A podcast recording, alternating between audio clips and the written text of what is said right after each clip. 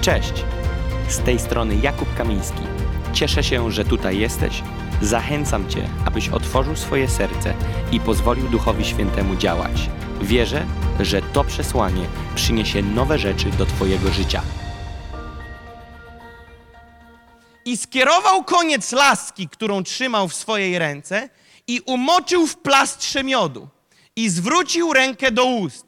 I wtedy oczy jego nabrały blasku.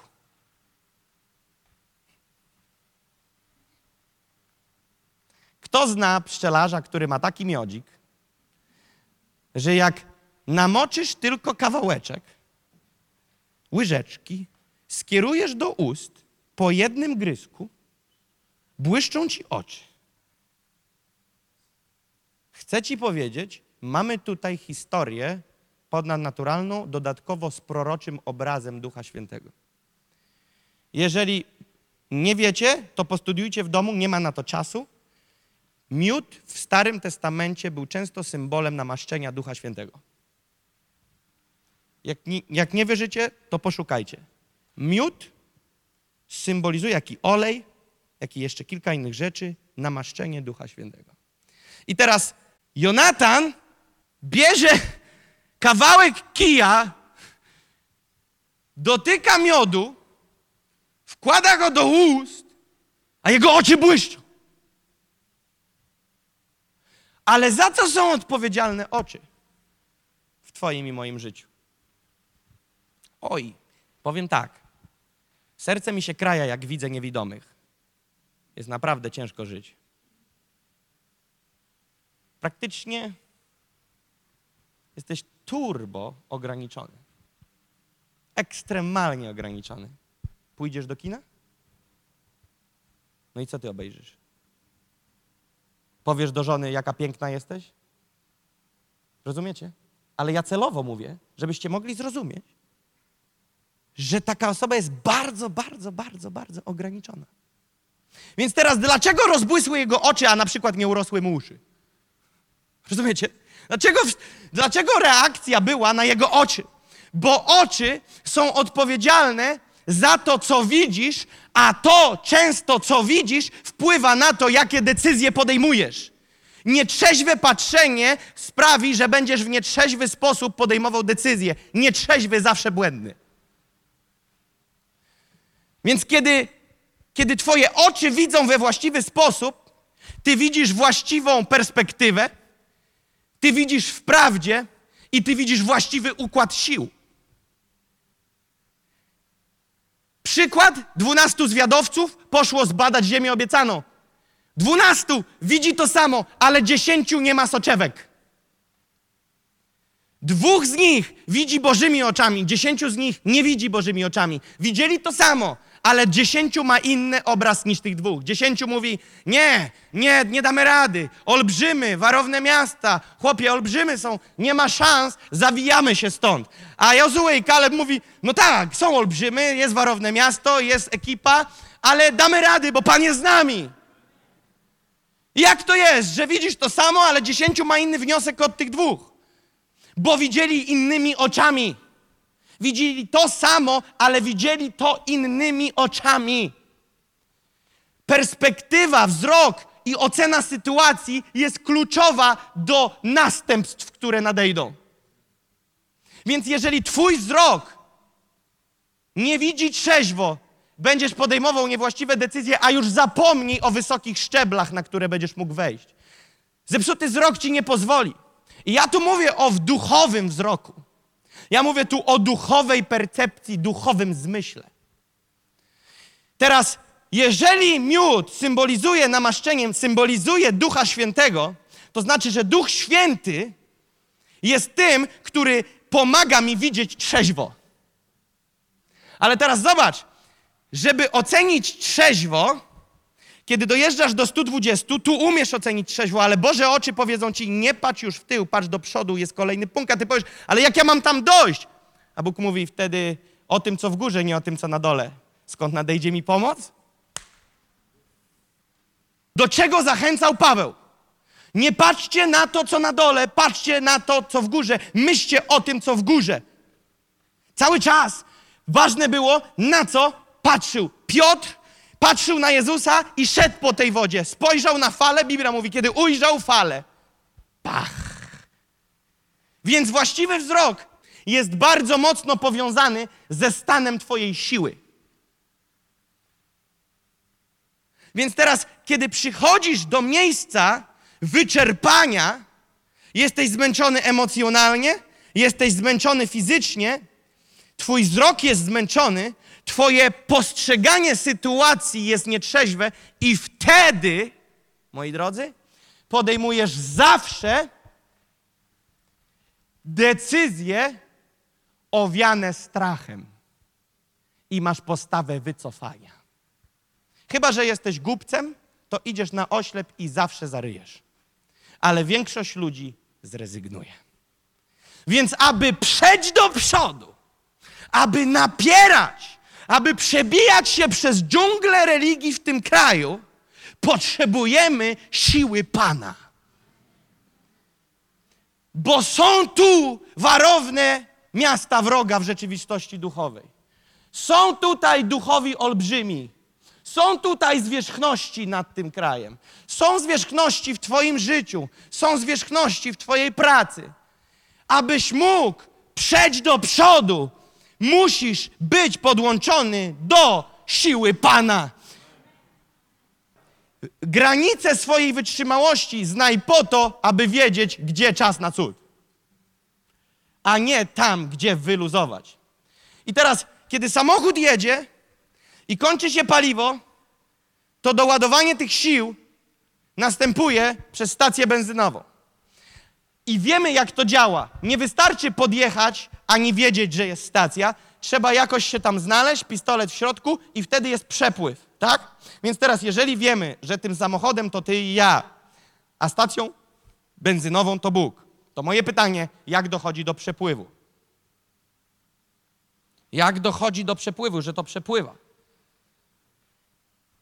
Wiecie, czasami mam obraz, że my jesteśmy jako Kościół, jako ciało Chrystusa, jako ty i ja, bracia i siostry, że jesteśmy takimi myśliwcami. Nie jesteśmy wielkimi bombowcami, jesteśmy myśliwcami. Do zadań specjalnych. Myśliwiec jest szybki, zwrotny, może cisnąć dwa machy.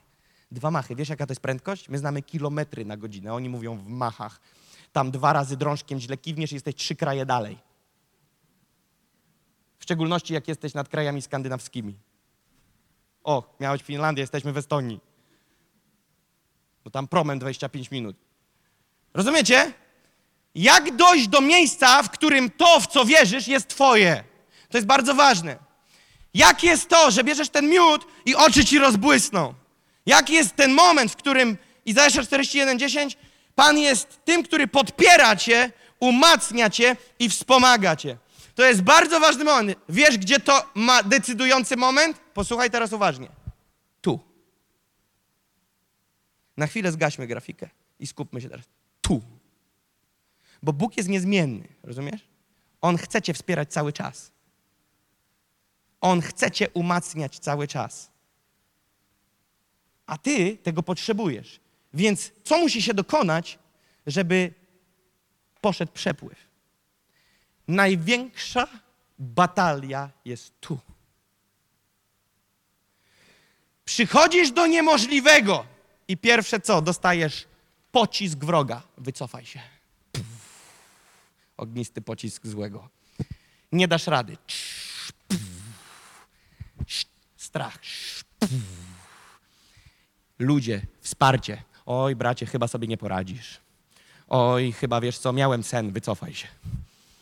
O, wiesz co, nie idź Jezu na krzyż, zostań z nami, precz szatanie. Rozumiecie? Masz tak zwane wsparcie nie tak jak trzeba. I twój umysł jest bombardowany. I ty mówisz sobie, niewiara rośnie, rośnie ciągle w nas. Jest taka piosenka, wiara rośnie, a tu możesz śpiewać, niewiara wzrasta, wzrasta ciągle w nas. I ty musisz zrozumieć, że ognisty pocisk złego musisz zgasić. Tarczą czego? Oj, oj, oj, oj, jak to się pięknie zazębia wiary. Pocisk złego, który idzie, gasisz tarczą wiary. Czyli wierzysz. A czym jest wiara?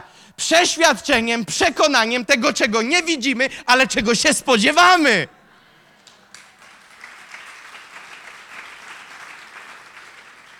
Więc wtedy widzisz niemożliwe, do którego dotarłeś, drzwi, które nazywają się niemożliwe. Przez nie przejdziesz poprzez uaktywnienie wiary, którą gasisz ten pocisk niewiary, ale później podejmujesz decyzję. I teraz uwaga, decyzja jest kluczowa. Wiesz dlaczego? Bo Biblia mówi w Rzymian 8:28, że Bóg współdziała z nami. Bóg nie wykonuje za mnie roboty, Bóg ze mną i tobą współdziała. A wiemy, że Bóg współdziała we wszystkim ku dobremu z tymi, którzy Boga miłują, to jest z tymi, którzy według postanowienia Jego są powołani. Rozumiesz?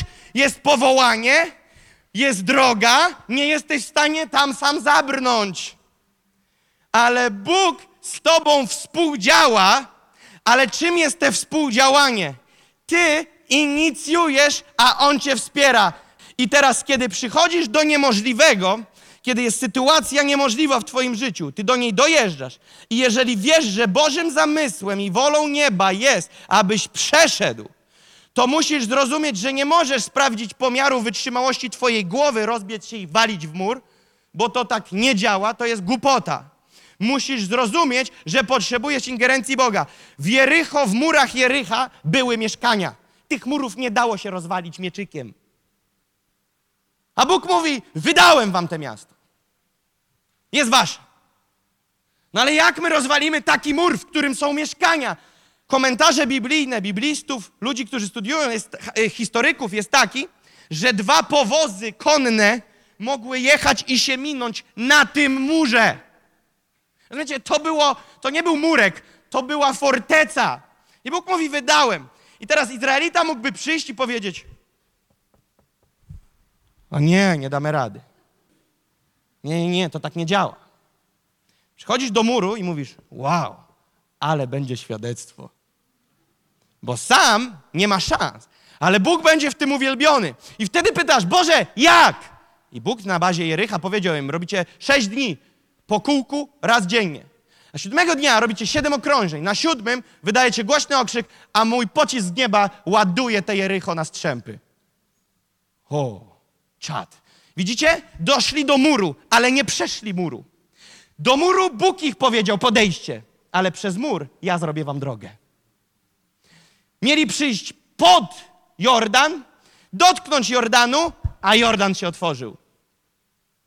Bóg toruje drogę. I teraz uwaga, to jest ten kluczowy moment. Jesteście ze mną pod murem, wyobraź sobie, że macasz mur Jericha. Dotykasz tego muru i mówisz, teraz w swojej głowie sprawdźcie, spróbujcie to przesunąć. I tam jakaś pani podlewa kwiatki na, na murze w mieszkaniu. Mówi, ty, to ja ci może głowę obleję, żebyś się trochę nie przegrzał, bo głupotę robisz, facet, nie przepchasz. Co ty mi chcesz, dom przepchać? Chłopie, mąż i obiad, nie masz szans. Nie przepchasz. Więc przepychasz. Już widzisz, nie doszedłeś. I teraz większość z nas mówi, nie, nie ma szans. I do domu. Jak to się nazywa? Oprócz niewiary, bo niewiara może być na chwilę, później możesz ją zastąpić wiarą, ale taki ruch odprowadza cię od przeznaczenia. Odprowadza cię od wypełnienia się rzeczy. Niewiara tam ma duże miejsce i rolę, ale odprowadza cię to. Teraz uważaj. Im większe powołanie, im większe marzenia, które idą w parze z powołaniem, im większe zobowiązanie przed niebem, im większy plan nieba dla Twojego życia, tym częściej spotkasz się z murem. Zastosuj sobie to na wieczność. Tym więcej będziesz miał mur. Bo Bóg cię nie zabiera do pracy naturalnej, ale zaprasza cię do dzieła ponadnaturalnego. Więc tym więcej murów będziesz musiał spotkać i więcej ich będzie musiało być zburzone. Więc kiedy do nich dochodzisz, to jest ten moment, Panie, znowu, halleluja. I wtedy robisz to. Halo niebo, wsparcie. I teraz często my wiemy, że jest potrzebne wsparcie, ale dalej naciskamy mur, Lub kiedy przestajemy naciskać, wycofujemy się. A ty nie masz zrobić ani jednego, ani drugiego. Ty masz zobaczyć, zbadać, ok? Przeliczyć koszta, nie damy rady. Bum! Panie, ani już więcej nie pcham, ani nie odwracam się. Jestem w miejscu, do którego mnie przyprowadziłeś. Where is the Lord of Elijah? Gdzie jest Bóg Elizeusza? Gdzie jest Bóg Eliasza? Wzywam Cię, Panie, do ratunku w tej sprawie. I pach! Przesunięcie. I wtedy widzisz, Bóg toruje drogę.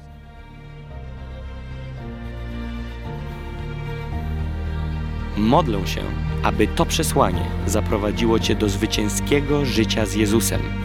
Zajrzyj na moje media społecznościowe, gdzie możesz dowiedzieć się więcej o służbie Nations on Fire lub wesprzeć nas finansowo.